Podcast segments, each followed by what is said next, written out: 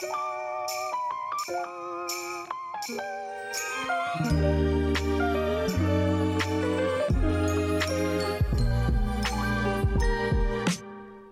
bij Rumbo Norte, de podcast die je wegwijs maakt als je het noorden wat kwijt bent en je begeleidt in je innerlijke reis naar persoonlijke groei. Ik ben Michelle Pus van Thrive Coaching en als selfcare, stress en burn-out coach leer ik je te ontdekken hoe je veerkrachtig door het leven kan gaan.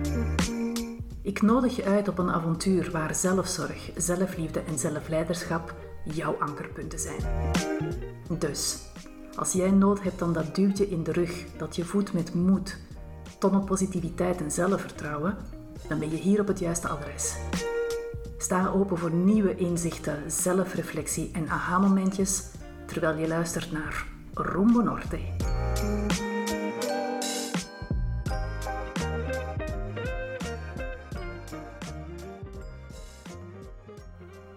Hallo lieve luisteraar en welkom bij aflevering 2 van Rumbo Norte.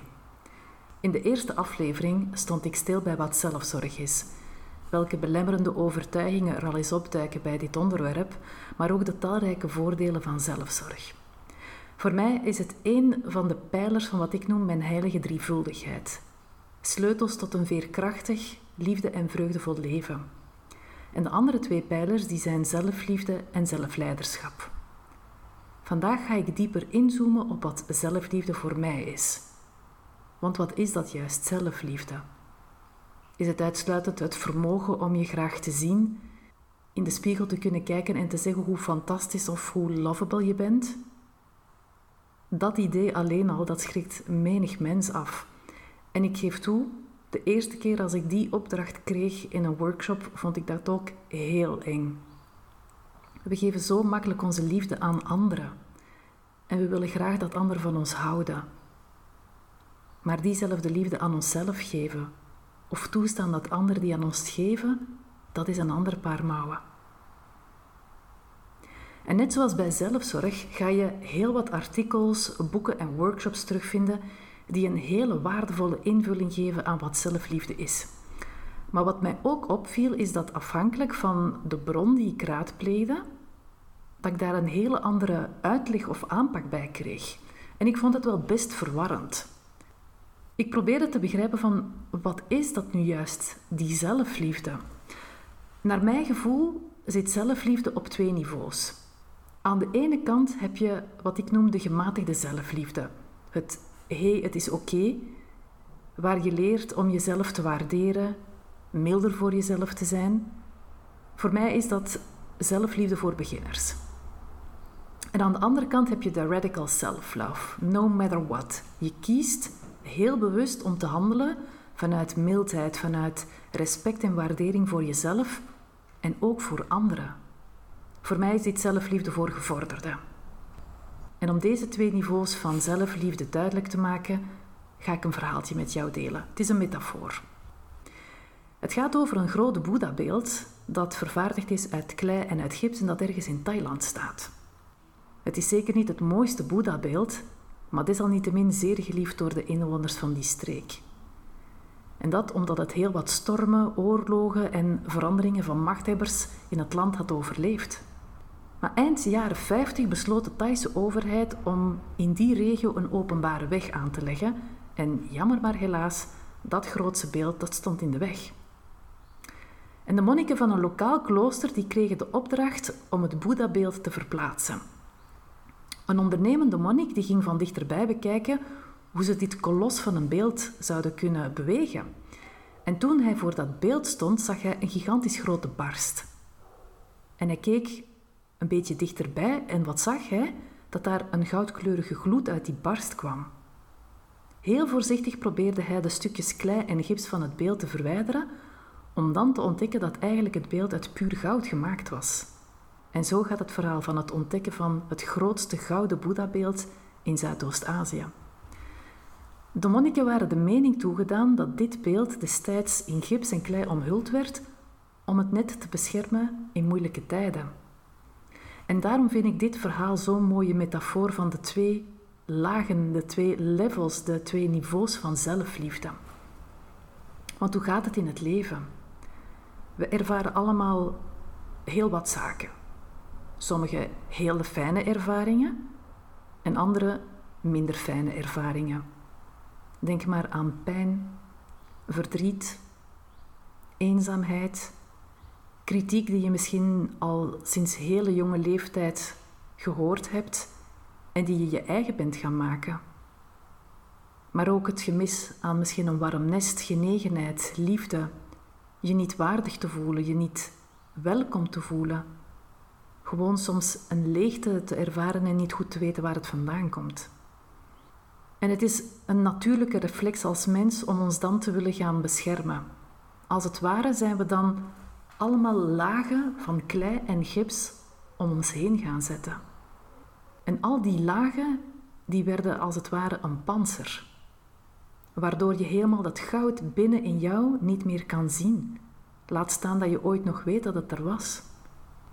Maar dat panzer, dat heeft een nut gehad.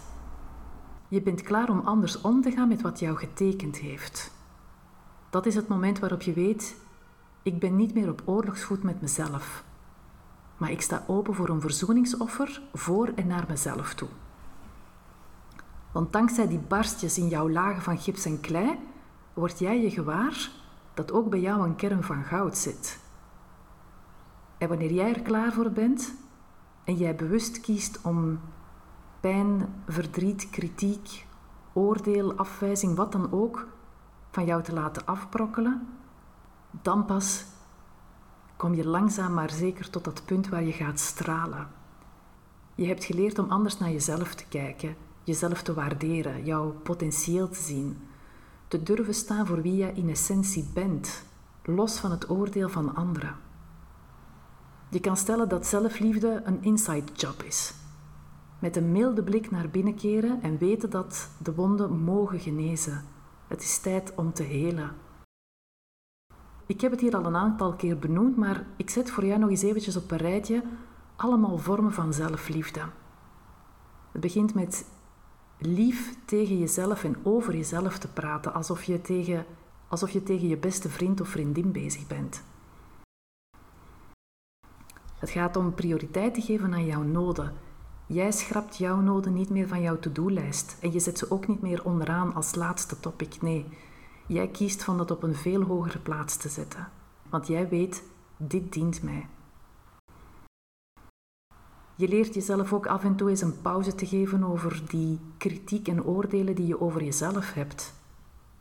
Op dat moment kan je echt je ogen dicht doen en bij wijze van spreken een pauzeknop induwen en zeggen van pauze, nu even niet. Het is ook jezelf leren te vertrouwen. Te vertrouwen in jouw eigen kunnen, in jezelf, in jouw goud, in wat jou uniek maakt. In de keuzes die je maakt als je die doet vanuit zelfliefde, dat het altijd goede keuzes zijn. Het gaat ook over eerlijk en trouw te zijn aan jezelf. Heel wat mensen ontdekken op hele late leeftijd in hun leven dat ze eigenlijk feitelijk niet het leven hebben gehad dat ze graag voor zichzelf wouden hebben. En het gaat niet zozeer over dromen die niet realiseerbaar zijn, maar misschien gewoon nooit de moed gehad hebben om te durven gaan voor wat hen gelukkig maakt. Of net keuzes te maken omdat men dacht van dit is wat anderen van mij verwachten. Door jezelf liefde te geven ga je ook minder het gevoel van leegte in jezelf ervaren. En je begint langzaam maar zeker te ontdekken dat jij dat gevoel van geluk en liefde in jezelf kan ontdekken.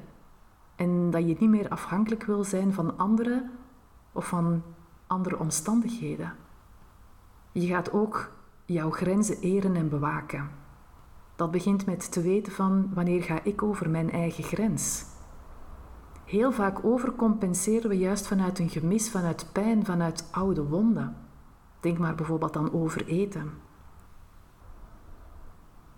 Maar ook jezelf leren te vergeven. Vooral als je tegen beter weten in keuzes maakt dat je zegt van ah, waarom heb ik dit nu gedaan? Ook wanneer je bijvoorbeeld gefaald hebt of een fout hebt gemaakt. Dat je soms zo hard voor jezelf kan zijn. En er is een hele mooie quote van Anita Moriani uit haar laatste boek Sensitive is the New Strong. Vooral als jij hoogsensitief bent, of je bent heel empathisch ingesteld, is dit een boek dat jou enorm veel gaat bijbrengen. En de quote gaat als volgt: Self-love is being there even when you fail, even when nobody is there for you. It's when you are able to hug yourself, to pick yourself up and say, It's okay. I am human and this is part of my journey. I learned. Vertaald naar het Nederlands. Zelfliefde is daar voor jezelf te zijn, ook wanneer je gefaald hebt, ook wanneer je een fout hebt gemaakt. Ook wanneer niemand daar voor jou is, dan ben jij in staat om jezelf bij wijze van spreken in gedachten die warme knuffel te geven. Jezelf moed in te spreken, op te staan en te zeggen van het is oké. Ik ben een mens en dit is een onderdeel van mijn reis. Ik heb hieruit geleerd. Op dat moment kies jij voor het maken van gezonde keuzes, keuzes die bij jou passen, waarbij jij jezelf kan en mag blijven, waarin jij je niet anders hoeft voor te doen dan wie je werkelijk bent. Je leert jouw goud te aanvaarden en liefde toe te laten in jouw leven. Door milder te worden voor jezelf word je automatisch ook milder voor anderen. En mild, dat wil niet zeggen soft. Je leert het verschil te kennen tussen medeleven en medelijden, met lange ei wel te verstaan. En je kiest er om voor een ander te zijn. Waardig om te gaan met wat er op dat moment bij die ene persoon leeft, wat die voelt, wat die ervaart. Je bent dan een luisterend, niet oordelend oor. Maar bovenal, je erkent het groeimoment van de ander, zonder jezelf te verliezen in de emoties van het verhaal van de andere. Dat is wat mildheid jou allemaal leren kan. Er zijn heel wat mooie boeken die over zelfliefde gaan. Op de podcastpagina van Drive Coaching ga je mijn top 3 van boeken terugvinden. Het zijn alle drie boeken die zelfliefde vanuit een heel verschillend perspectief benaderen. En voor mij zijn het een zeer waardevolle bron van kennis en informatie. Beetje bij wijze van spreken mijn bijbels als het over zelfliefde gaat. En heb jij een vraag? Heeft deze aflevering bij jou iets getriggerd? Wil je met mij iets delen of heb je graag support van mij als coach? Bij de omschrijving van deze aflevering geef ik mee op welke manier je mij kan contacteren.